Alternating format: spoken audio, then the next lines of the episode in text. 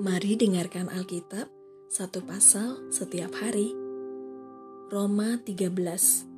Kepatuhan kepada pemerintah. Tiap-tiap orang harus takluk kepada pemerintah yang di atasnya, sebab tidak ada pemerintah yang tidak berasal dari Allah.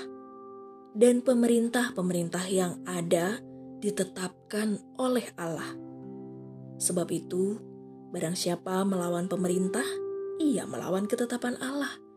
Dan siapa yang melakukannya akan mendatangkan hukuman atas dirinya. Sebab jika seorang berbuat baik, ia tidak usah takut kepada pemerintah. Hanya jika ia berbuat jahat. Maukah kamu hidup tanpa takut terhadap pemerintah? Perbuatlah apa yang baik, dan kamu akan beroleh pujian daripadanya. Karena pemerintah adalah hamba Allah untuk kebaikanmu. Tetapi jika engkau berbuat jahat, takutlah akan dia, karena tidak percuma pemerintah menyandang pedang. Pemerintah adalah hamba Allah untuk membalaskan murka Allah atas mereka yang berbuat jahat.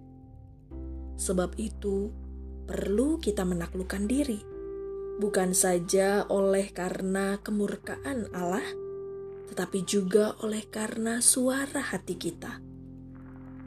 Itulah juga sebabnya maka kamu membayar pajak, karena mereka yang mengurus hal itu adalah pelayan-pelayan Allah. Bayarlah kepada semua orang apa yang harus kamu bayar pajak kepada orang yang berhak menerima pajak, cukai kepada orang yang berhak menerima cukai, rasa takut kepada orang yang berhak menerima rasa takut, dan hormat kepada orang yang berhak menerima hormat. Kasih adalah kegenapan hukum Taurat. Janganlah kamu berhutang apa-apa kepada siapa pun juga tetapi hendaklah kamu saling mengasihi. Sebab barang siapa mengasihi sesamanya manusia, ia juga sudah memenuhi hukum Taurat.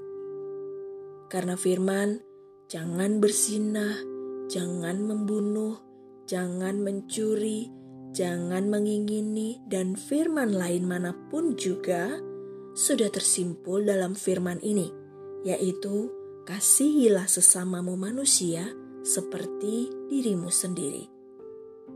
Kasih tidak berbuat jahat terhadap sesama manusia. Karena itu, kasih adalah kegenapan hukum Taurat. Hal ini harus kamu lakukan karena kamu mengetahui keadaan waktu sekarang, yaitu bahwa saatnya telah tiba bagi kamu untuk bangun dari tidur Sebab sekarang keselamatan sudah lebih dekat bagi kita daripada waktu kita menjadi percaya. Hari sudah jauh malam, telah hampir siang. Sebab itu, marilah kita menanggalkan perbuatan-perbuatan kegelapan dan mengenakan perlengkapan senjata terang. Marilah kita hidup dengan sopan seperti pada siang hari. Jangan dalam pesta pora dan kemabukan, Jangan dalam percabulan dan hawa nafsu, jangan dalam perselisihan dan iri hati. Tetapi kenakanlah Tuhan Yesus Kristus sebagai perlengkapan senjata terang dan janganlah merawat tubuhmu untuk memuaskan keinginannya. Terima kasih sudah mendengarkan. Tuhan Yesus memberkati.